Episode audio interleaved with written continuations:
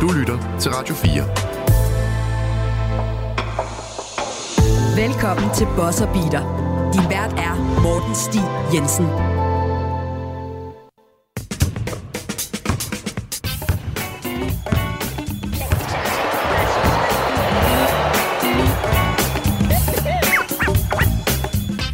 Rigtig hjertelig velkommen til dette optagsafsnit af Bosserbiler. Mit navn er Morten Stig Jensen, og i dag der skal vi snakke om Pacific Division. Det vil altså sige Golden State Warriors, Sacramento Kings, Phoenix Suns, Los Angeles Clippers og selvfølgelig Los Angeles Lakers, som der har haft en fortræffelig øh, offseason, men dem vender vi tilbage til senere. Øh, for at hjælpe mig igennem det, så Malte Arbo, velkommen tilbage i studiet. Mange tak, Morten. Det var jo faktisk meningen, at vi skulle have været tre mennesker herinde i øh, studiet i dag.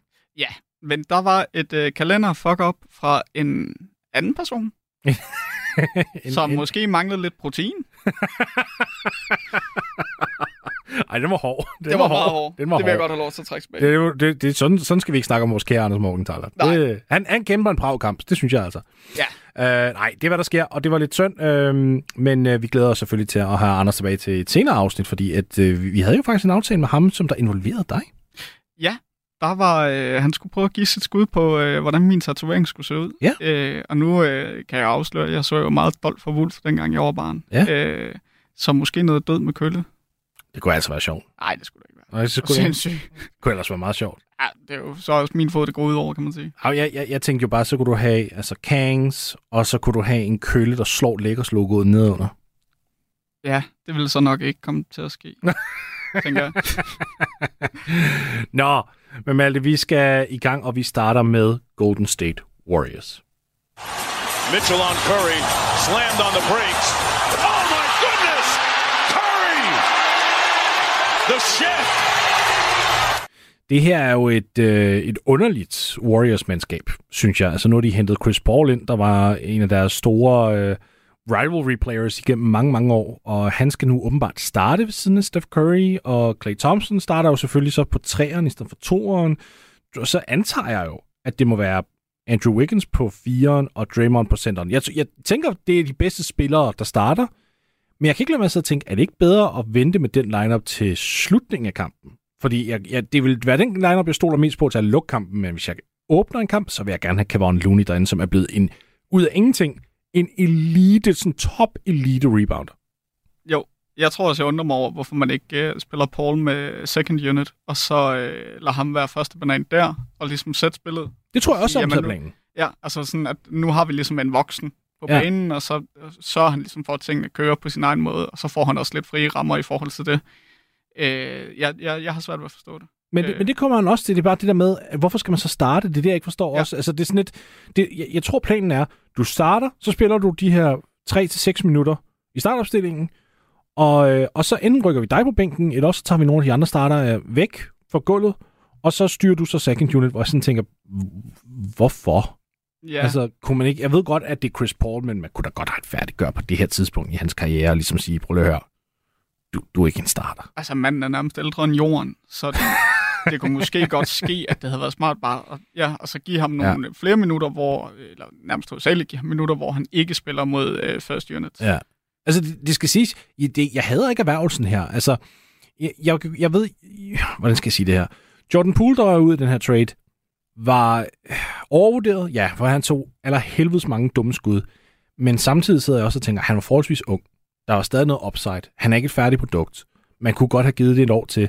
Men måske var det bare samspillet mellem ham og Draymond, der ligesom bare var umuligt efter det, hvad der skete sidste år. Ja, måske tænkte man også bare, at det handlede om at cash ind, før at øh, der var tæppefald, og man ligesom kunne se, hvilken spiller de må have set til træning mm. på et eller andet punkt, han er. Altså man må jo også... Det, tror er det jeg så bare, cash ind med Chris Paul? Er det at cash ind?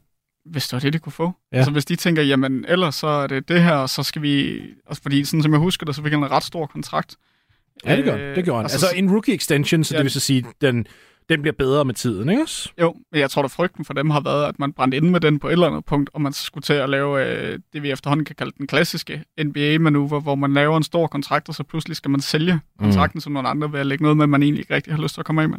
Jeg tænker også, at det her var en finansielt drevet trade, fordi efter den her sæson, så er Paul jo også en free agent, så den her store, store kontrakt, han har, den, den rører jo af bøgerne, og det må man jo sige, at Warriors især har brug for kan det passe, du har talt om det i et tidligere afsnit i forhold til, hvor vigtigt, øh, eller hvor værdifulde øh, hvad hedder det, udløbende kontrakter bliver i år på grund af den nye CBA? Hvor er jeg dog glad for, at du stiller det spørgsmål, fordi ja, det har jeg først og fremmest, og det fører mig nemlig til den her lille tese, som jeg har. Så jeg har også nævnt den her i programmet før. Hvad nu hvis, at man sidder der, og man er, man er Golden State. Man læser markedet ved trade deadline. Og på det tidspunkt er der måske nogle, nogle hold, der siger, at oh, vi, vi bliver nødt til at bygge om. Så vi skal af med vores stjernespiller. Men vi har vores stjernespiller under kontrakt i alt for mange år. Puh, det noget værd noget. Mm, hvad så, hvis man sidder lige siger, hey, vi tager gerne imod den der stjernespiller, I har, der er for mange år på, tilbage på kontrakten, og som ikke passer jeres tidslinje. Så får I Chris Paul, halvt år med Chris Paul, og så er han af bøgerne hvem tænker du kunne være stjernespiller, der kunne være øh, eftertragtet? Sådan her? Ja, se, indledningsvis havde jeg faktisk tænkt, Pascal Siakam, problemet er bare, han er også en free agent efter i år, så den tæller ikke. Øhm, så så det, det, jeg skal lige ud og kigge i, ja. øh, i kontrakterne, men altså, hvis vi kigger på nogle af bundholdene, jeg tror mere, det er der, vi er. Altså, hvis vi kigger på nogle af dem og ligesom siger, er der nogen, hvor at det ikke giver synderligt meget mening? Altså, måske, ved du hvad, vi kan da måske tage en, øh, et Chicago Bulls hold hvad nu, hvis det bare går fuldstændig galt, hvilket det sagtens kunne? Ja. En Zach Levine, der har masser af år tilbage. Han vil da være rimelig fremragende som... Øh, altså, hvis der er en spiller derude, der kan matche Curry og, og, og hvad hedder det, Clay som skytter, altså i hvert fald off-ball, så er det ham. Ja, han får lov til at spille noget high-paced. I, i allerhøjeste grad. Altså sådan, det, jo. Altså jeg kan godt lide det, og man må også bare give Warriors, de har også sat sig selv i en situation i løbet af den måde, de har ageret på på trademarket de sidste mange år, der har gjort, at man bare tænker, man, I er, I er sørger næsten altid et skridt foran os andre i forhold til øh, måden, I opbygger hold på. Altså, det vil ikke komme bag på mig. Nej, men det skal jo så sige, nu er det jo ikke øh, Bob Myers, der styrer holdet længere. Ah. Det, det skal vi så også lige Mike Dunleavy nu. Så, så jeg tænker også, at det er også noget, vi skal være ops på her i år. Jeg vide, om, om man ser en ændring i, hvordan de agerer sådan front office-mæssigt. Ja. Øhm, men lad os prøve at vende tilbage til sådan selve produktet på banen. Så Draymond Green for eksempel skrev under på en, en kontraktforlængelse. Han er der i en håndfuld år nu. De er angiveligt i gang med at snakke kontraktforlængelse med Clay Thompson. Vi skal også lige huske, at øh, det her afsnit bliver jo optaget nogle uger inden udgivelse, så det kan godt være ved udgivelse, at øh, Clay Thompson har en ny kontrakt. Men vi det kan jo sige, det er mandag den 18. september. Det er det i hvert fald lige nu. Så, så vi, er, øh, vi, vi er et par uger tilbage. Hvis de beholder hele truppen, tror du så, at der stadigvæk er nok gusto i den her, øh, i den her clash, at, til at de ligesom kan vinde igen? På papiret nej, men på den anden side, så synes jeg, at jeg, man, jeg tør sgu ikke at, øh, jeg tør ikke at afskrive dem på et eller andet punkt, fordi... Never underestimate the heart of a champion? Det er jo så latterligt at sige, men på et eller andet punkt, altså måske bare det der med, at de har rutinen i de situationer. Mm. Altså, de har efterhånden været gode i så mange år. De har ikke stået i en playoff-situation. De kan ikke stå i en playoff-situation, de ikke har prøvet før, føler man. Øh, ja, altså, jeg tror det ikke. Men, men hvis alt flasker sig for dem, hvorfor skulle de så ikke kunne gøre det igen?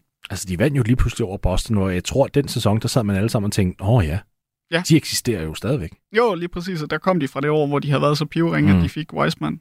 Var det ikke det år, eller var det året før? Det var vist året før. Ja, året det, var, det, det, det, år, de vinder øh, imod Boston, det er den sæson, hvor Clay kommer tilbage og kun spiller sådan cirka en halv sæson. Ja. Og man sidder og tænker, ah, de vinder ikke en, noget som helst i år, fordi at den skal lige vende tilbage. Og så, så. Ja, så gjorde de det. Så, så gjorde de det. Ja. Og, og det er jo så ekstra sjovt, synes jeg, når han så tilbage altså, øh, på fuld tid her sidste sæson, der går det fuldstændig galt på deres udebanekampe. Altså sådan helt galt. De har en latterlig dårlig winning percentage. De kan ikke få noget off the ground. De, det tager dem syv kampe at komme ud af Sacramento-serien, fordi Sacramento ligesom siger, hey, prøv at høre, vi er ikke bange for jer, og vi kan også bare score bolden til en vanvittig høj rate, og det skal I justere til, og det havde de meget svært til. Og, og, og der, der sidder jeg også bare sådan og tænker, jamen, hvad, hvad betyder det for dem fremadrettet? Var det her the last gasp? Men det tør jeg, ligesom dig sidder også tænker, det tør jeg ikke sige. Nej, altså man har sådan, det, det, det, det, det, tyder jo på, at det kan være det, men alligevel, så tør mm. vi ikke, altså man tør jo ikke at afskrive 100%. Nej. Men, altså nu skal jeg også være den sidste til at afskrive nogen i det her program, så det har vi ligesom set, hvordan det kan gå. se det, hvordan det går. Nej, men altså, for at vende tilbage til Chris Paul, der tænker jeg måske også, det kan jo være, at Steve Kerr siger, nu har vi fået Chris Paul ind på holdet. En af de bedste playmakers nogensinde mm. historien af spillet. Hvis vi spiller Curry en lille smule mere off-ball i grundspillet, så vi sparer hans ben, og så når playoffs ruller rundt, så giver vi ham bolden igen, og ligesom så kan han bare spille, spille Steph Curry bold, altså ja. hvor han kreerer og alt det her. Det kunne være en sneaky lille måde at så sige, okay, vi, vi prioriterer grundspillet nok til at komme i playoffs ja. og få et, et godt nok seed, men det er ikke fordi, at et, hvilket seed det er, det er det, der definerer, hvor, hvor gode vi er. Og når vi kommer i slutspillet, så er det en et brand new ball game. Ja, altså det, det håber jeg og tror jeg, de gør. Altså det vil jeg gå ud fra, de gjorde. Det handlede ikke for dem om at få så mange sejre som overhovedet muligt. Mm. Det handlede for dem om at komme ind på en acceptabel plads, hvor man kan sige, at vi har nogenlunde vej til, til finalerne. Ja. Og så skruer vi lige 10% op i, uh, i playoffs. Hvad gør vi med de to resterende unge spillere, der er på holdet? Ah, de har flere end to, men der er jo to, der ligesom er i er, de er Jonathan Kuminga og Moses Moody. De to træder begge to ind i år tre. Ja. Altså, jeg har ikke lyst til at sige make or break, men jeg synes, det er på tide, at organisationen dedikerer sig til dem. Og så siger, hvis vi skal vide, hvad vi egentlig har i de her to, så bliver vi også nødt til at give dem nogle minutter den her sæson. Helt bestemt. Men problemet, eller øh, mit spørgsmål tilbage er måske, er det bare to spillere, der er fanget i en uheldig situation? Altså, at der er dygtige spillere, men er også kommet ind på et hold, hvor det eneste, der tæller, det her at vinde. Og, og jo, du ser mega god ud, men, men kan du stå for presset? Vi ved, hvad der virker for os. Altså, det... Mm. Øh, så jo, på papiret vil det være super, super smart af dem at spille dem noget mere, give dem minutterne, se hvad de har, se, hey, hvor meget skal vi dedikere os til de her to gutter. På den anden side, hvis du står og, og mangler en sejr, eller du står og, og det skraber til hen imod slutningen, så ja. tror jeg bare ikke, man kommer til at se det, fordi så går man til det, man kender. Og jeg tænker også, at de har været nødt til at justere på vejen, kan man sige, fordi de drafter Weissman, som du snakkede om tidligere, Kuminga her, Moody og alt det her, og det var meningen, de havde også Jordan Poole. Ja. Det var meningen, at de ligesom skulle til at lægge grundstenen for en, en ny æra, at man ligesom langsomt men sikkert skiftede fra Curry-æraen over til Wiseman-æraen. Nu er Wiseman væk, Poole er væk, og det er lidt som om, de, som om de har sagt, okay, prøv at høre, den der transition, vi havde regnet med, den er, den er i graven nu. Ja. Nu bliver vi bare nødt til at vinde så meget, som vi overhovedet kan. Når den nuværende kerne så er done, så starter vi forfra. Ja, de er blevet fanget af, af virkeligheden på et eller andet punkt. Øh, jeg, jeg tror, jeg er ret sikker på, at jeg sidder herinde og sagt på et tidspunkt, at jeg synes, det virkede fuldstændig genialt, hvad de havde gang i, og det var den der glidende overgang, man på et eller andet punkt også, og det skærer mig i hjertet at skulle sige, har set Boston lave. Mm. Øh, og det der med... Men Boston har jo heller ikke vundet af det. Boston har ikke vundet af det, men Boston har trods alt været kontinuerligt øh, med i snakken på et eller andet punkt, og har været gode og har været et hold, man ikke gad møde på noget tidspunkt, øh, fordi de altid var relevante. Øh, og nu, nu kigger vi nok ind i en fremtid, hvor vi må sige, der kommer bare et tidspunkt, en overrække, mm. hvor øh, Golden State Warriors nok ikke er lige så relevante. Jeg synes i hvert fald, det er interessant, det der med tidslinje også, fordi hvis vi kigger på de, de klubber, som der har vundet mesterskaber på det seneste, det virker altså til, at deres tidslinjer er meget altså, øh, ens, ensformige. Altså, det er sådan lidt, altså en ting er, at du havde Golden State, der vandt her for nogle år tilbage, efter de har draftet Jonathan Kuminga, Moses Moody og Wiseman, men det var ikke nogen, der spillede. Det var stadigvæk satsningen på de etablerede gutter. Men kigger du på Denver, kigger du på Milwaukee også tilbage, altså det, det er samme tidslinjespiller. Den der med at have en fod i vind nu, og en fod i vind senere, det er jo ikke fordi, at det boomer med eksempler på, at, at det virker. Nej, nej, nej, bestemt ikke. Men det er jo også lidt den der med, at du kan ikke både øh, puste og have mel i munden. Altså på et eller andet punkt. Og, og på papiret kan du sætte det hele op, så det mm. ser mega, mega godt ud til det. Og, men det kræver jo bare, skal vi sige quote on quote, et bust i form af Wiseman, der ikke blev den spiller, man havde håbet eller troet på. Og så står du der med hovedet i postkassen og har ja. nogle gode unge spillere, men samtidig kan du også sige, men er de gode nok og unge, eller jo, er de gode nok og talentfulde nok til at på sigt vil kunne bygge videre på det? Ja. Who knows? Ja. Så hvad, hvad, hvad skal vi konkludere her for dem? Fordi et, øh, jeg, jeg gider ikke det der med at stå og sige, åh, hvad tror vi af dem? Altså, hvad vil være, hvad vil være acceptabelt for dem, vil jeg nok hellere spørge af en, øh, af en sæson? Hvad, hvad kigger vi på? Vil det være acceptabelt, at de slutter i top 6? Er det acceptabelt, de er i en play-in? Hvor kigger vi på dem? Jeg tænker, øh, alt over play-in tror jeg, de vil sige, var nogenlunde acceptabelt, hvis man kommer helt skinnet igennem. Altså top 6? Ja, ja, top 6, og kommer helt skinnet igennem og siger, jamen, nok mest på de interne linjer, vil kunne kigge hinanden i øjnene og sige, vi kan godt skrue 10% mere op.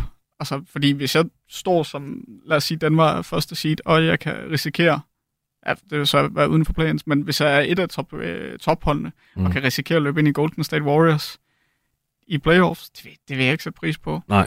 Altså øh, lidt den der Lakers øh, kørt sidste sæson, hvor man siger, at det er hakket og spyttet det meste af sæsonen igennem, men men så kom playoffs, og så, så var vi det mest modbydelige hold, du kunne møde ud over Danmark i vest.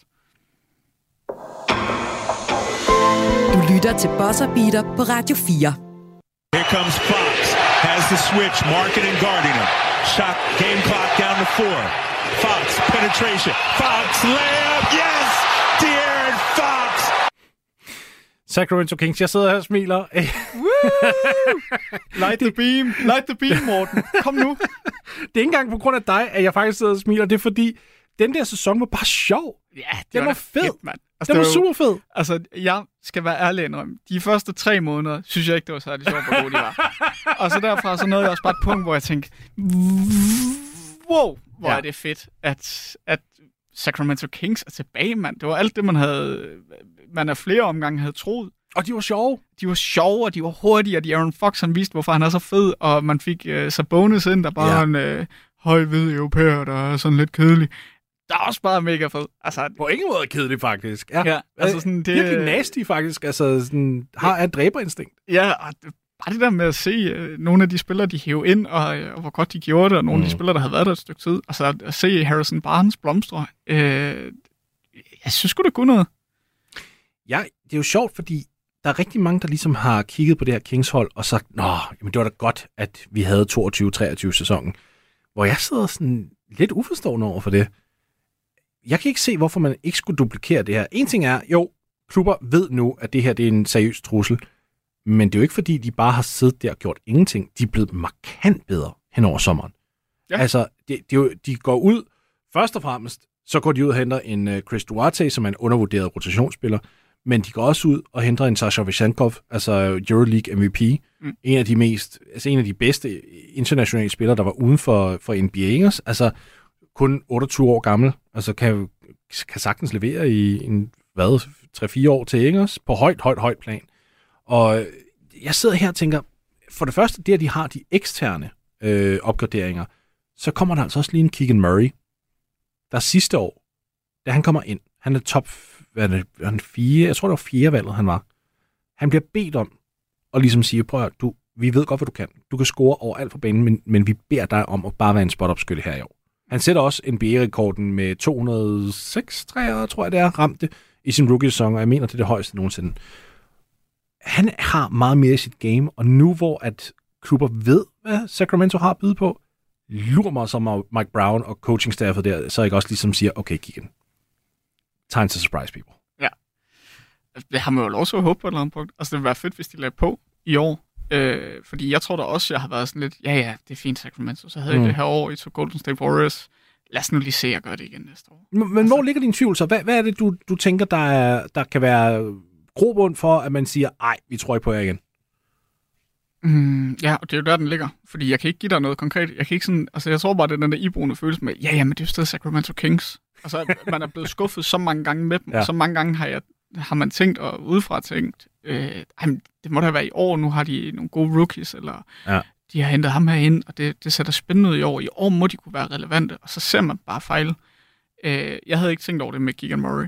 Øh, og det tyder jo også på, at de har planlagt i hvert fald et år mere frem, og sagt, jamen nu, øh, nu er det ligesom dig, der kan steppe op, og dig, der har, også har vendet dig til spillet Ja. ja. øh, i NBA øh, på en lidt nemmere måde, i stedet for at vi går ind og siger, nu skal du bare gå amok, og du skal bare være ligesom du var i college, og vi ved, du kan alt det der.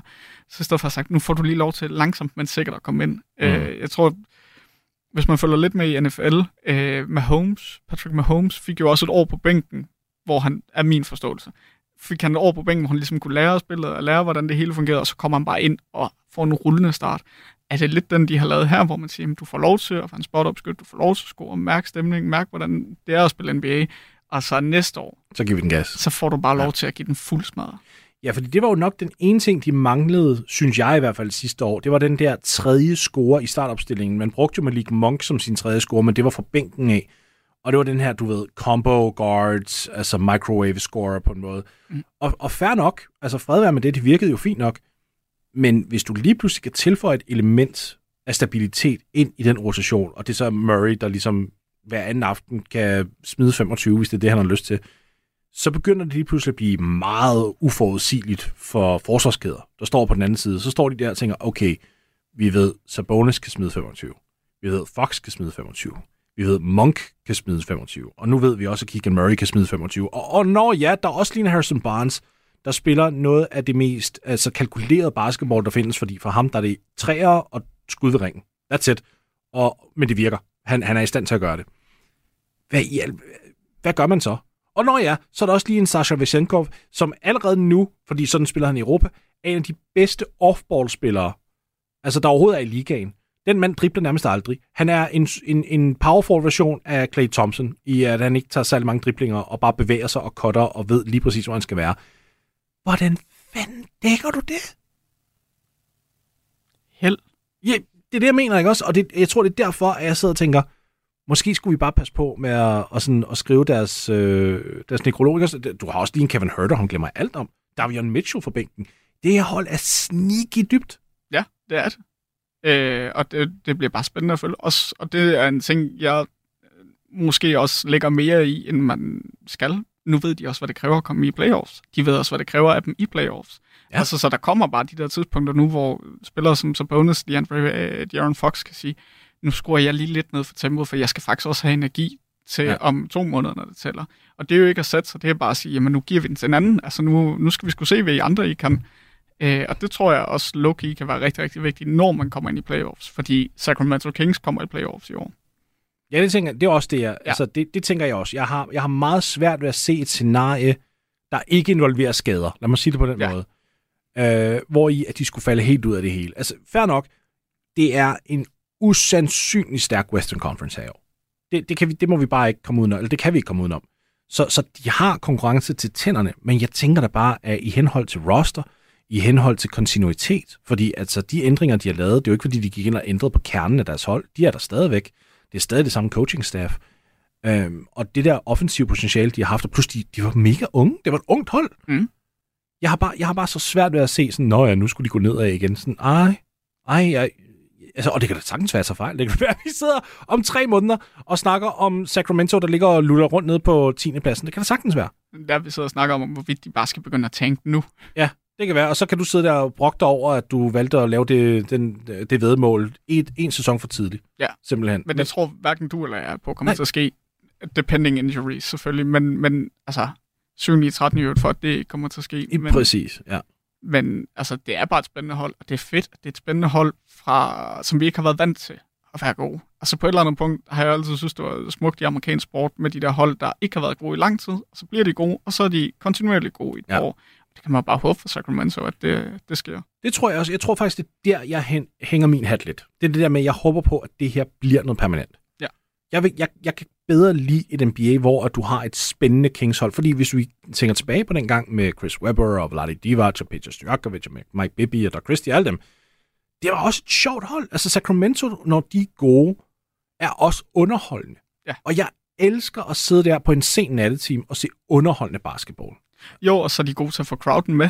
Altså det, det der med, det er jo rent faktisk et sted, hvor der er noget stemning, når de spiller. Og ja. det skal man bare heller ikke undervurdere. Altså det, det synes jeg er mega, mega fedt. Jamen, det, like the beam, vi kan sidde her og grine af det, men genialt. Ja, mega fedt. Det var, det var noget, der fik alle med. Um, så lad os prøve at gå ind til, hvad, hvad vil være, ikke skuffende eller acceptere, men hvad, hvad tænker vi ligesom er grænsen for dem? Nu har de haft den her sæson, jeg er enig med dig i, at der er mange derude, der ligesom har den der, nå, jamen, øh, de havde den ene gode sæson. Giver det dem noget leeway, kan man sige? Altså, skal det være en skuffelse, hvis de slutter uden for top 6, og de ender i play-in? Ja. Er det, det er en skuffelse? Ja. Jeg, jeg, jeg tænker også, at med et relativt ungt hold og mod på at vise, hvor gode de er, mm-hmm. de må også kunne sigte efter at være top 3, top 4 seed i, øh, i West.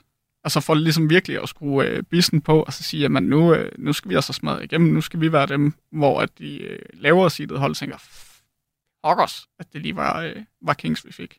Altså jeg håber, de skruer ekstra meget på. Jeg kan godt lide det. Jeg tror, jeg, eller jeg ikke tror, jeg er enig med dig. Jeg synes også, at når man har sådan et hold, som der klarer sig så godt, og man går ud i kamp 7 endda, altså mod Golden State Warriors, så har man noget at byde på. De er blevet bedre, de er unge stadigvæk, der skal smides nu. Ja. Og vi kan sidde her og sige, nej, det var hyggeligt med et år. De skal ikke være tilfredse med et år. Når de kommer og dukker op til training camp her om nogle uger, så skal de simpelthen kigge på hinanden i øjnene, og så skal de sige, last year was just the beginning. Ja. Vi, de må ikke falde ind i den der fælde, der hed, nej, hvor havde vi et godt hold, og vi fik fansene med. og nu er, vi, nu er vi tilfredse med, at vi lige fik en lille smule opmærksomhed. Det her, det hedder starten, og sidste år skal være altså, det nærmest fundamentet. Ja, altså sidste år skal være det, hvor man sagde, der lagde vi den første brik, og nu lægger vi på, og så lægger vi på, og så lægger vi på. Altså det, det håber jeg, tror jeg. Jeg er enig. Jeg, jeg tænker faktisk også, at vi kan godt gå så langt og så sige, at det vil faktisk være skuffende, hvis, øh, hvis de ikke ender inden for top 6. Og, og jeg synes egentlig, det er den måde, vi skal angribe Western Conference generelt på med top 6, fordi ho, de her hold i år. Altså, der har været skarpe Western Conference øh, conferences før, hvor, altså i pågældende sæsoner. Det her, det tekster ikke. Altså, jeg, jeg, jeg ved faktisk ikke, om vi har set et bedre, totalt set Western Conference Øh, hvad skal man sige, altså alle holdene i Western Conference på en gang. Jeg, jeg, jeg tror ikke, vi har, vi har set dem så skarpe alle sammen på samme tid. Jeg tror, vi er oppe i toppen. Ja, det tror jeg. Jeg tror faktisk, jeg ville til at give det ret. Det er, altså, det er i hvert fald også, det er også derfor, jeg har så svært med, med de her hold en gang imellem, fordi så nogle gange så sidder man også og tænker, åh ja, der kan jo kun være otte, der går i slutspillet. Ja. Men faktum er, på et eller andet tidspunkt, så når vi går ind i slutspillet, så kigger vi lige på det hele, så, så sidder vi og ser, altså, der er syv hold, og højst sandsynligt så er der 4-5 af dem, hvor man sidder og tænker, det der det er et playoff-hold i alle andre år. Ja, ja, lige præcis.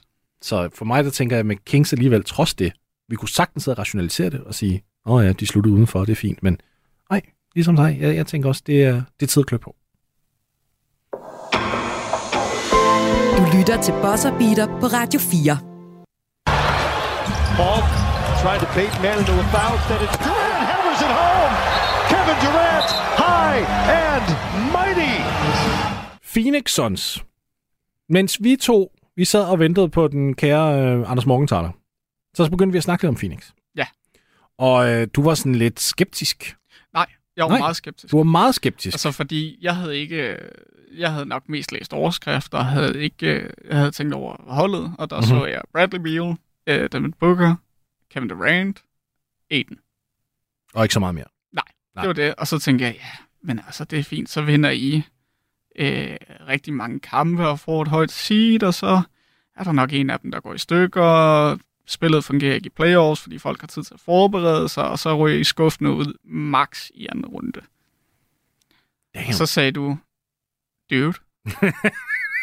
altså, det er fint nok, du gør dig til grin over for mig, men du skal ikke gøre dig til grin i radioen. Det ser dårligt ud for mig. og så gennemgik vi ligesom holdet. Øh, og så, øh, så kunne jeg ligesom godt se, at der var sket noget på de interne linjer. Øh, og i de sådan, mindre signings, hvor man må sige, wow, I har rent faktisk fået bygget noget dybde på. I har rent faktisk gjort, at man ikke tænker, at I taber alle kampe til alle hold, hvis der er en spiller, der mangler. Og det, det må man give dem. Kudos til Phoenix Suns. Jeg er super imponeret. Jeg er super imponeret. Kids, eller øh, Kita Bates job, Ball Ball, øh, Eric Gordon, og så min favorit af dem, de har skrevet der, Yuta Watanabe, altså Chimesi Metu, de har simpelthen bare A+, når det kommer til at samle spil op på minimumsmarkedet. Og så bemærkede du også noget, det var, det er jo ikke engang gamle spillere, det er jo ikke engang, fordi det her det er ring chasers, og jeg er helt enig med dig. Ja, altså fordi øh, jeg var inde og tjekke øh, samtlige af de rosters, vi skal tale om i dag, og ser sådan det der Golden State-hold, hvor man er sådan, wow, jeg havde heller ikke tænkt over, at Steph han er 35. Ja, de gamle. Ja, de er gamle. Så ser man det der Phoenix-hold, som man også tænker sådan, I har maks to gode år i jer. Nej. Nej. Nej. Hvis det her, det kan blive godt, det kan blive godt, men hvis der bliver bygget på, og det hele det klikker, og det spiller, som det skal, så, så kan det være gode et par år. Øh, jeg er mest spændt på at se Bradley Beal i den øh, nye mm. rolle, som der er blevet øh, teaset lidt for, for det var ikke min, øh, det var ikke mit første valg til at være øh, playmaker for dem. Ej, point guard-rollen til Beal, den, til, nu kan vi gå tilbage til at være en lille smule skeptisk. Det er også en, jeg, jeg vil nok have givet den til Devin Booker. Jeg stoler mere på Booker som en, i hvert fald en pick-and-roll playmaker, end jeg gør Bradley Beal. Ikke med det sagt, at jeg ikke stoler på Beal som playmaker, men jeg stoler ikke på ham som fuldtidsplaymaker. Hvis Phoenix i løbet af sæsonen laver sådan en justering, hvor de siger, okay, prøv at høre, Beal, du kommer til at styre angrebet i perioder, men andre gange, der vil vi gerne have, at du bevæger dig lidt af bolden, og så er det Booker, der tager turen, måske endda også KD, så kunne jeg godt se logikken i det, for jeg tror, det er den bedste måde at gøre det på.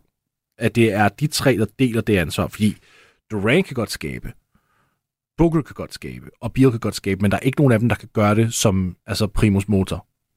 Hvis de så deler den rolle, hvorfor skulle det så ikke virke? Det er nok min logik. Ja. Jeg kan godt se ideen om at dele. Øh, jeg havde nok foretrukket på et eller andet punkt, at man havde øh, Durant som øh, som ens main guy med bolden i hånden. Øh, ikke for at skabe til sig selv, mm. men på grund af den opmærksomhed, han vil trække.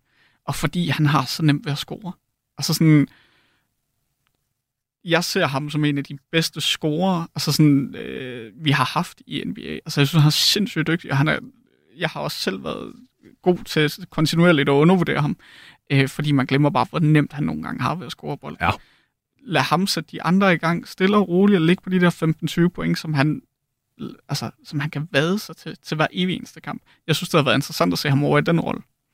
Så der er jeg faktisk uenig for en gang skyld øhm, med hensyn til KD, fordi jeg tænker, en af de største værdier, han giver et hold, det er nemlig de der høje pointantal, fordi at de bliver leveret med høj effektivitet. Mm. Hvis du lige pludselig siger, okay, jeg skal skille jer ned fra 25-30 point per kamp på meget høj effektivitet, så er der andre, der skal lige pludselig tage 15 20 point, eller 10-15 point måske, af min scoringssnit, og de har ikke samme effektivitet. Nå, men så bliver holdet jo som helhed bare mindre effektivt. Og det tror jeg vil have et problem med. Det er rigtigt. Det, der skal være lidt en point, jeg ikke havde tænkt over. Men kunne man så forestille sig, at man i stedet for gjorde, øh, gav Aiden en større rolle offensivt? Altså, det håber der jeg. tænker jeg, point tæt på kurven, det er mm-hmm. trods alt relativt høj procent, at de plejer at sætte sig øh, centerne. Altså, sæt ham mere i fokus offensivt, lad øh, Devin Booker og øh, Beal rende rundt og øh, tage nogle uncontested træer. Altså sådan, ja, brede spillet mere ud, så det ikke bliver, nu skal du score, nu skal du score, nu skal Ja. du score. Altså, det, det er jo mit håb. Fordi jeg, jeg, har- jeg har jo været den mening, at Aiden har været øh, brugt forkert igennem størstedelen af hans Phoenix-karriere. Jeg mener ikke, Monty Williams på noget tidspunkt fandt, øh, altså vidste, hvad han havde i ham.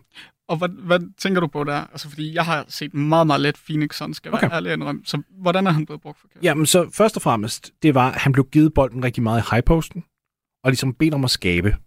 Og det blev han gjort tidligt i sin karriere, hvor at det var bare ikke den rigtige måde at gøre det på. Når du er en ung center, i hvert fald de første par sæsoner, og du, og, og du ikke har evnen til at skyde, i hvert fald ikke ud for trepointslinjen eller de lange toer, så er det bare bedst, at du lige bliver sat op, mens du så til træning for skuddet kørende. Og det var også planen, at han ligesom skulle have det skud kørende øh, til træning. Men af en eller anden grund, så prøvede de ligesom at forcere den der rolle lidt på ham, det med sådan, ah, du skal også kunne space, du er altså nummer et. Og jeg tror også, det der pres af, at de ikke valgte Luca, det tror jeg fucket med dem. Jeg skal være helt ærlig, det tror jeg virkelig drillede dem. Fordi allerede et par måneder ind i sæsonen, så begyndte man ligesom at lægge mærke til, åh, oh, okay, Luca is the real deal. Og så kigger de på Aiden sådan, du er dygtig, men yikes, vi valgte forkert her, så vi skal virkelig prøve at finde ud af, hvordan vi kan prøve at gøre op for det. Og så prøvede de at gøre ham til 10.000 ting på en gang. Han kom jo ind i ligaen som ikke en specielt god forsvarsspiller. Og på en eller anden måde, og det synes jeg taler til Aidens fordel det her, så går der to måneder, og så er han lige pludselig en af de bedste defensive spillere på centerposition. Jeg har aldrig set en rookie lige pludselig bare ændre sit spil på den måde så markant. Men i stedet for at være tilfreds med det, og ligesom sige, fed start, lad os prøve at arbejde med det, så begyndte Phoenix igen ligesom at spille ham ved den der high post, ved albuen i stedet for, og man sidder bare der og tænker, hvad er ideen? I år to, så siger de, okay, nu skal du have en større offensiv rolle, og vi prøver at give dig bolden lidt tættere på kurven, og vi prøver at gøre dig til en post-up-spiller. Sådan, ej, det burde de aldrig nogensinde have gjort. Post-up for ham er ikke et højprocent skud. Han skal, han skal have face-ups. Han skal være en, der angriber kurven. Han skal være en, som der står og kigger på kurven, og selv kan vælge, skal jeg tage det lille 12-fods mini-pop, eller skal jeg kunne drive, fordi han er jo umådelig atletisk. Mm.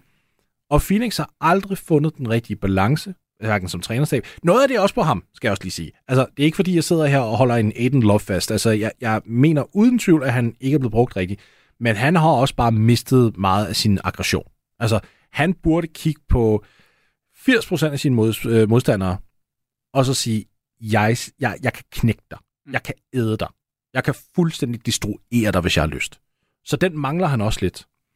Og jeg håber lidt, at ved at man nu har en KD, at det ændrer sig lidt. Fordi KD har et dræberinstinkt, der siger spar 2.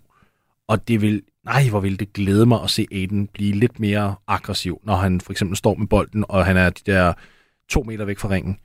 Og så i stedet for bare at stå og lede efter de her cutter ude på distancen, og så bare sige, F det, jeg tager den selv, og så smadrer det ned i hovedet på dig, Rashawn Holmes, eller hvem. Ja, de der En- to skridt, og så bare op Ja. smasken på dig. Ja, ja. Det er ikke, fordi han er Shaq, det er ikke det, jeg siger. Nej, nej, men han er jo stor og stærk. Stor, Altså altså, stærk, agil, det. fodarbejdet virker, især når han er i fart. Jeg tror også, det er der, jeg tror, det er der, den faktisk, det er lige godt for mig nu. Jeg tror, det er der, den dør. Det er, når de smider bolden ned til ham i, i low post, hvor hans fødder ikke er i bevægelse. Jeg tror, det er der, den stopper. Fordi han har svært ved at sætte moves sammen, når han skal starte fra 0. Men hvis du ser ham gribe bolden i bevægelse, så er han langt mere farlig. Så måske handler det simpelthen bare om at implementere et system, og det er jo Frank Vogel kan jo virkelig finde ud af at arbejde med sine big men, og især defensiv også. Men det der med at få, få ham i bevægelse, og så griber han bolden on the catch, og så skal han bare reagere. Det tror jeg kunne være monsterspændende. Vi må se.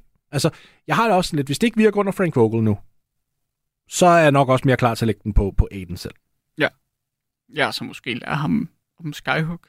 Altså, du er høj, du er, har en god, øh, altså du er, hvad hedder det, dit, dit hop mm-hmm. er ret højt. Altså, lær den mand, når han er inden fra x antal fod, hvordan han skal sætte et skyhook, fordi du kan jo ikke blokere ham, hvis han begynder på det. Det der, ved du det hvad? kan han gøre stående. Han kan gøre det med ryggen til kur. Han kan få den i low post, og så Ja. bare op. Men det har vi jo af guds jammerlige årsager gået fuldstændig væk fra. Jeg forstår det heller ikke. Altså, det, det er ikke fordi, jeg siger, at alle kan skyhooket først og fremmest. Altså, jeg tror, når du så for eksempel siger, lær ham, det er en svær opgave. Ja. Skyhooket er et enormt svært skud at få ned. Og det, det er noget, som jeg tror, størstedelen af især internationale medier også glemmer at snakke om, fordi jeg, man hører jo tit den der, why not just use the skyhook? Fordi det er røvsvært. Mm. Altså, det er super svært. Og nu til dags, hvor at du har så mange dygtige hjælpeforsvarsspillere, så skal du huske, når du loader op på skyhooket, så starter du nærmest fra hoften af. Ja. Så der er nogen, der vil vide, oh, okay, han skal på det skud, så dækker vi allerede hoften der. Så der vil være nogle justeringer. Men i en mod en situationer, der, der kunne du nærmest pege på 14 center i ligaen lige nu og sige, de vil faktisk have en fantastisk fordel i deres karriere, hvis de lærte skyhooket.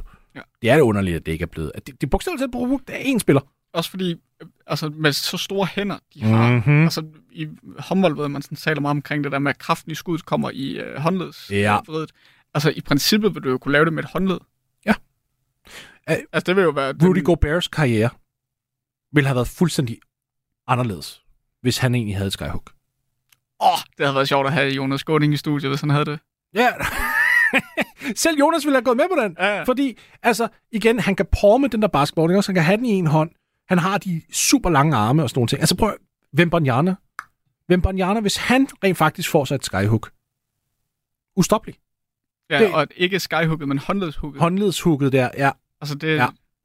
Det er i hvert fald spændende at se. Lad os prøve lige at, at runde dem her af, Phoenix. Hvad, hvad regner vi dem for? Fordi der er jo mange, der har dem som mesterskabskandidat, og jeg har egentlig svært ved at, at finde argumenter imod det nødvendigvis. Øh, eller ikke mesterskabskandidat, undskyld, øh, mesterskabsfavoritter.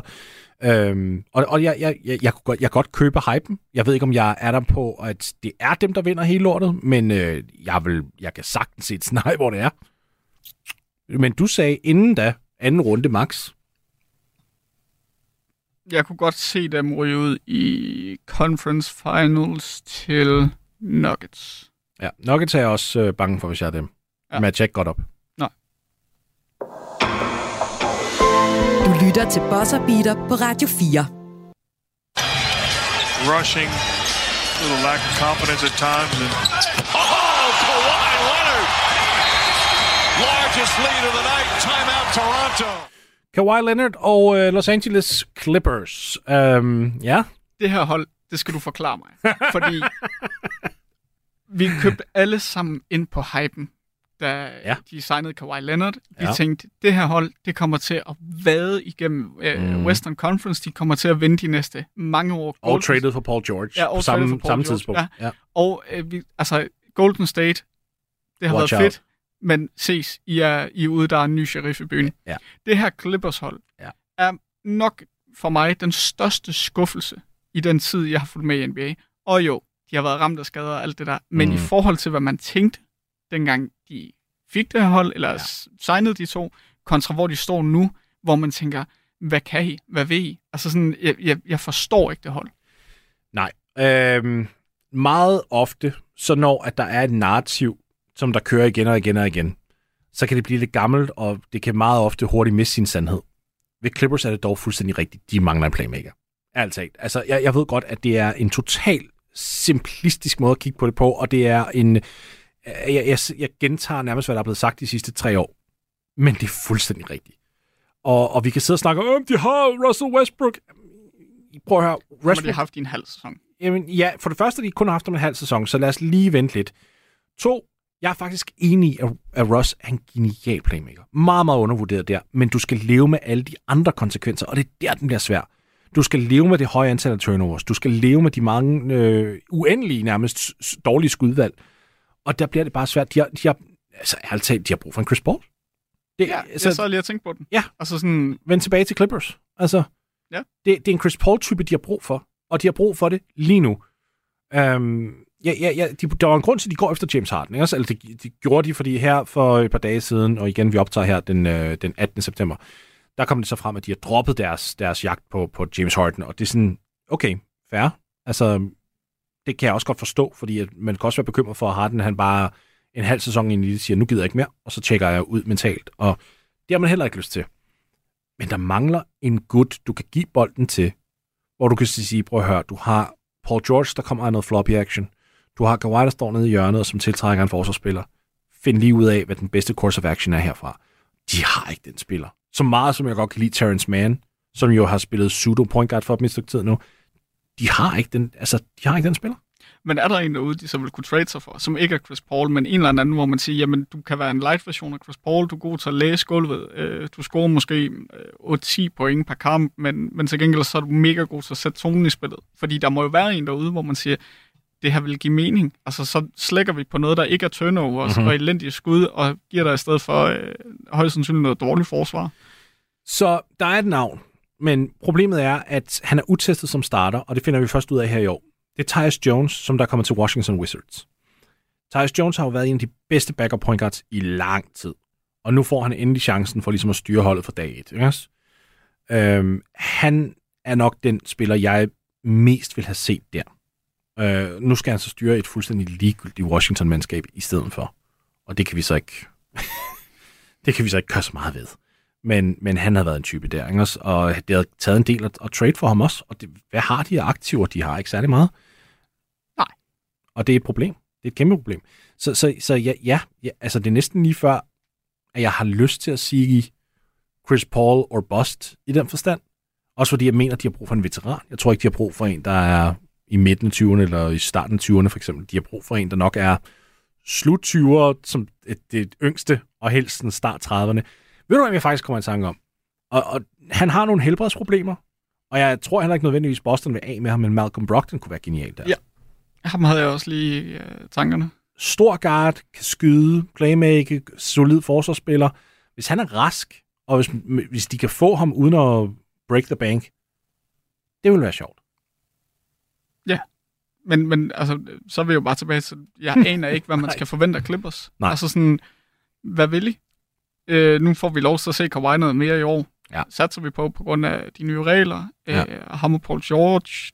Det, altså, det kan jo godt blive spændende, men det her, det er virkelig for mig en fugl eller fisk.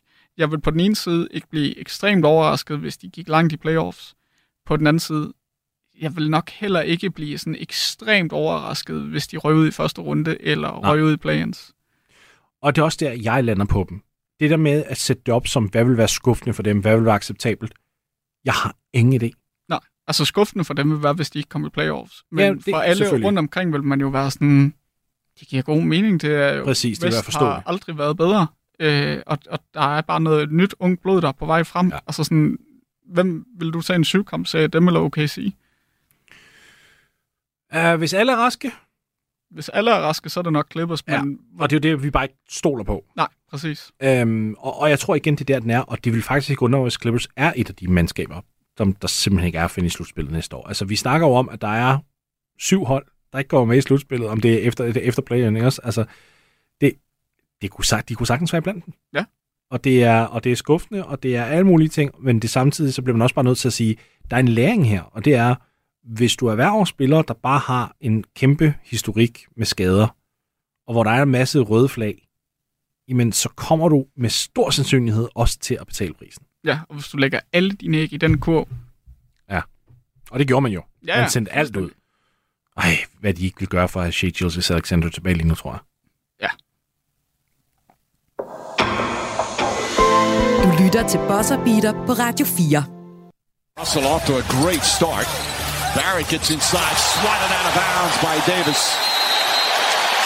And we've got our first time out. Så skal vi til øh, Los Angeles Lakers jo, som er, er dit hold, Malte. Men inden vi gør, så, øh, så kommer der et spørgsmål her øh, fra øh, Christian Larsen. Og det er sådan lidt bredt ud omkring øh, altså Pacific Division, og det, det har fokus på Kings, men jeg synes, det kommer lidt ind på Lakers her også. Altså, hvordan, kom, hvordan kommer det til at gå med Kings? Nu er det jo divisionfokus, og de ligger i gruppe med Lakers, Clippers og Warriors, hvor der er deres chance for at kunne vinde selve konferencen, og vil det hjælpe dem i forhold til resten af West. Der tænker jeg, selvom det er et Kings-spørgsmål, så vil jeg gerne svare i Lakers-brillerne i stedet for. Fordi jeg kigger på Lakers som værende det hold, der er den sande trussel over for Kings, over for resten af, af den her division. Lakers har lige nu haft, hvad jeg nok vil sige, er den bedste sommer af noget hold i hele ligaen, i hvert fald deroppe af. De har lavet stærke bevægelser fra dag 1. De har fået Christian Wood ind under kontrakt, de har også givet forlængelser til de rigtige spillere, de har beholdt Austin Reeves, de har holdt Rui Hachimura. Det her er en klub, der endelig, endelig er begyndt at fatte, at vi kan ikke kun øh, have LeBron, Anthony Davis og en masse G-Leaguers. De har nu bygget et oprigtigt hold, stort H, og det er dem, som der faktisk maker og breaker hele den her division, og måske hele conferencen. Mhm. Er det forkert? Nej, det synes jeg ikke. De har haft en fuldstændig vidunderlig sommer, så jeg er klar til lige om lidt, så bryder det sammen i brand. øhm, men altså, de har jo haft en sindssygt god sommer. Ja. Altså, prøv at tage den her som kontrast til sidste år. Altså, det, det, det er jo... Jeg var i chok. Jeg havde sådan, i mit stille sind havde jeg gået og tænkt, altså, det, det, der, der er ikke rigtig nogen nyheder om, øh, om Christian Mm. mm. Wood. Øh, er han villig til en minimumskontrakt i Los Angeles? Øh, altså, I guess han, he was. det var han så. Øh, klar til den store scene og hele pivetøjet. Altså sådan, nu har vi en, også en big man, der kan gå ind for øh, Davis. Han er ikke lige så god defensivt, men gud, hvor han dygtig offensiv. Altså, vi har flere strenge at spille på. Øh, Ja. ja. LeBron James behøver ikke at score øh, 35 point per kamp. Øh, Davis kan, som man jo højst sandsynligt bliver, øh, gå ud i en måneds tid eller to med forskellige småskader. Mm-hmm. Og Lakers falder ikke fra hinanden. Altså, de har bygget et hold. Hvor er det fedt. Det er, jeg, jeg er faktisk rigtig imponeret, fordi når man går ind på den der stjernementalitet, og ligesom siger, okay, vi skal have en superstjerne, og vi skal helst have to, så kommer det bare med nogle konsekvenser af, at man ikke rigtig kan fylde en roster ud. De har valgt at betale regningen for det først og fremmest, og altså, det, er, det er også nødvendigt, vil jeg sige, hvis du lægger, så du har en LeBron, og du har en Anthony Davis. Men de går ikke bare ud og beholder deres spillere, de går endda ud og tilføjer. Ikke? Også de henter en Gabe Vincent, for eksempel. De tager en chance på øh, Cam Reddish. De går ud og henter en Torian Prince. Altså, det her er alle sammen rotationsspillere. Som der, altså, det kan godt være, at de ikke nødvendigvis er i rotationen i Lakers her at starte sæsonen, fordi altså, du kan ikke have du ved, 10-12 spillere i en rotation. Det kan du bare ikke. Men det, det tillader Lakers at have den her mentalitet, der hedder next man up. Ja. Går der nogen ned? Nå, okay. Så kan vi hive nogen frem. Ikke også? Det, jeg kan ikke huske et faktisk et LeBron-hold, der har haft så meget bænkdybde.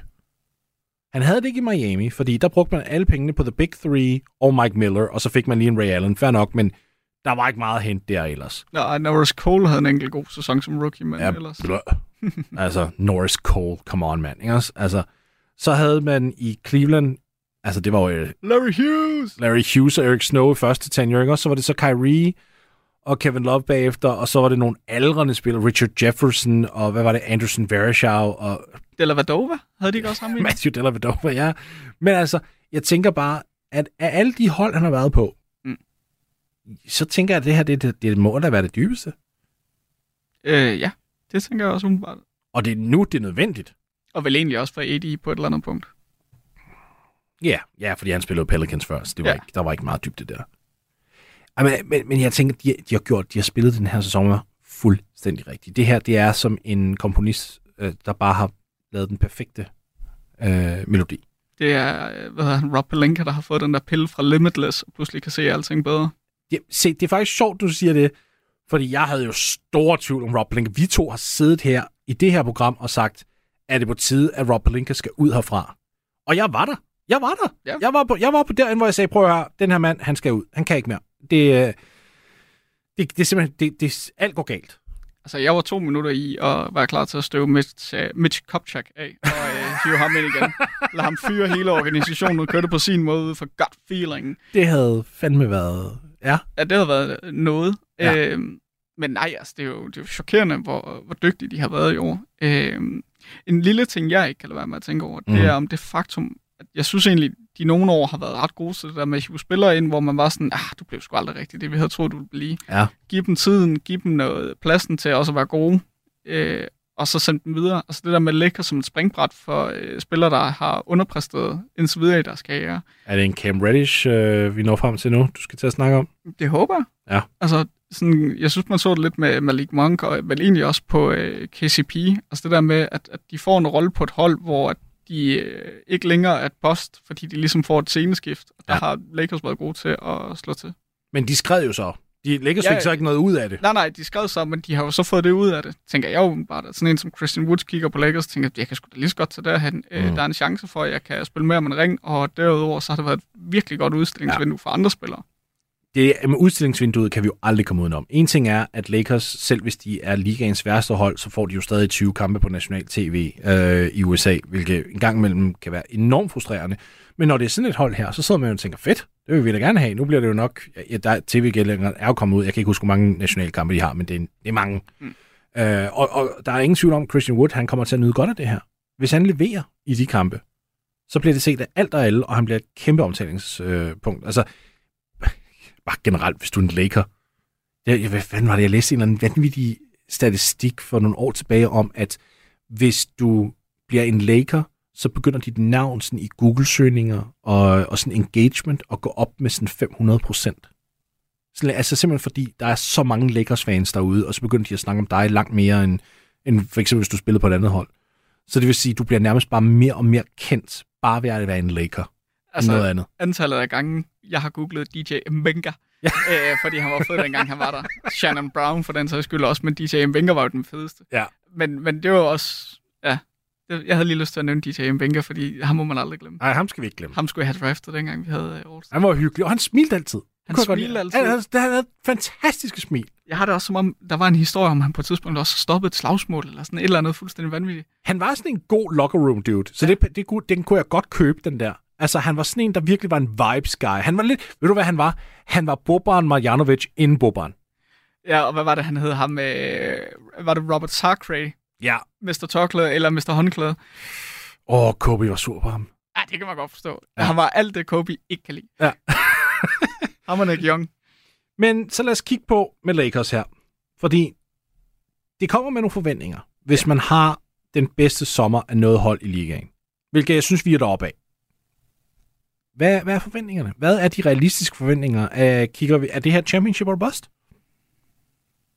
Nej, for der var Denver Nuggets. Mm-hmm. Og det er Som der trods alt mistede Bruce Brown. som mister Bruce Brown, men som stadig bare er øh, Denver Nuggets, og bare er sindssygt velorganiseret og kører super godt og har øh, ligaens bedste spiller. Ja. Øh, så er der, øh, hvad hedder det, Phoenix Suns, der har haft en sindssygt god sommer. Altså, bare i Pacific i sig selv, Mm. er der jo i hvert fald to, hvis ikke tre hold, hvor man tænker, de kan godt gå rigtig, rigtig langt i playoffs. Der er kæmpe konkurrence. Ja, altså konkurrencen i Vest i år gør jo også, at nærmest ud over Denver, har man jo lyst til at sige, det kan være hvem som helst, der kommer i uh, Conference Finals. Er vi derhen, hvor at man slet ikke kan kalde noget Western Conference hold for championship or bust? Nej, fordi de er jo gode nok til det. Ja. Men det er bare uretfærdigt. Altså, det er et uretfærdigt parameter at, øh, at måle dem op imod. Det her Okay. Lakers hold er jo championship og bust. Men samtidig så vil der jo også på et eller andet punkt være, være acceptabelt, hvis de ikke vandt et championship. Der går jeg imod dig. Okay. Jeg, kalder, jeg, kan, jeg kalder det championship or bust for dem af en grund. LeBron taler. Han vil gerne vinde et til. Selvfølgelig vil han det. Mm. Altså, der er jo ikke en spiller i NBA, der ikke vil vinde mesterskab mere. Præcis. Men er det realistisk? Altså, fordi vi skal jo ikke tage det ud fra, hvad LeBron tænker er realistisk, fordi det tror jeg, vi vil tage skade af. Men, øh, men, men sådan, jeg ser det, at øh, ja, selvfølgelig er det for dem, Det ved jeg ikke. Det, om, det er han, om, det, om det er ham, der tænker det eller ej, men når, når jeg slår op på Twitter eller et eller andet, og alt det handler om LeBron Jordan, og det handler om antal mesterskaber og alt det der, så antager jeg da, at der er en, en kæmpe lyst til at komme op og, og vinde det. Så derfor må jeg da sige championship or bust. Fordi manden bliver 40. Nej, han bliver 39. Tæt på. Du er 40, Torgild. øhm, Fed ja, jo, tak. Øh, nej, altså jo, selvfølgelig er det championship og bust, men jeg vil også, som Lakers-fan, der er nogenlunde rationelle tingene, vil jeg også kunne sige, prøv at, der er bare nogle sindssygt stærke hold i, øh, i Vest, og der er ikke nogen, der ved, hvad det ender med. Jeg er altid fan af rationelle Lakers fans.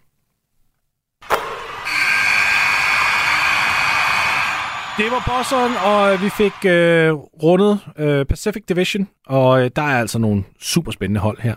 Øh, vil jeg sige, jeg glæder mig rigtig meget til at, at kigge på, på, på faktisk dem alle sammen. Der er, ikke noget, der er ikke et hold her i den her division, jeg, jeg ikke ser frem til. Clippers. Ja, det, det vil, de vil være nederst på min liste, klart, men jeg synes stadig, de er interessante. Ja. Malte Abo, mange tusind tak for at gå igennem uh, Pacific Division med mig, og til jer derude, indtil vi snakkes igen, så pas rigtig godt på jer selv. Du har lyttet til en podcast fra Radio 4. Find flere episoder i vores app, eller der, hvor du lytter til podcast. Radio 4. Ikke så forudsigeligt.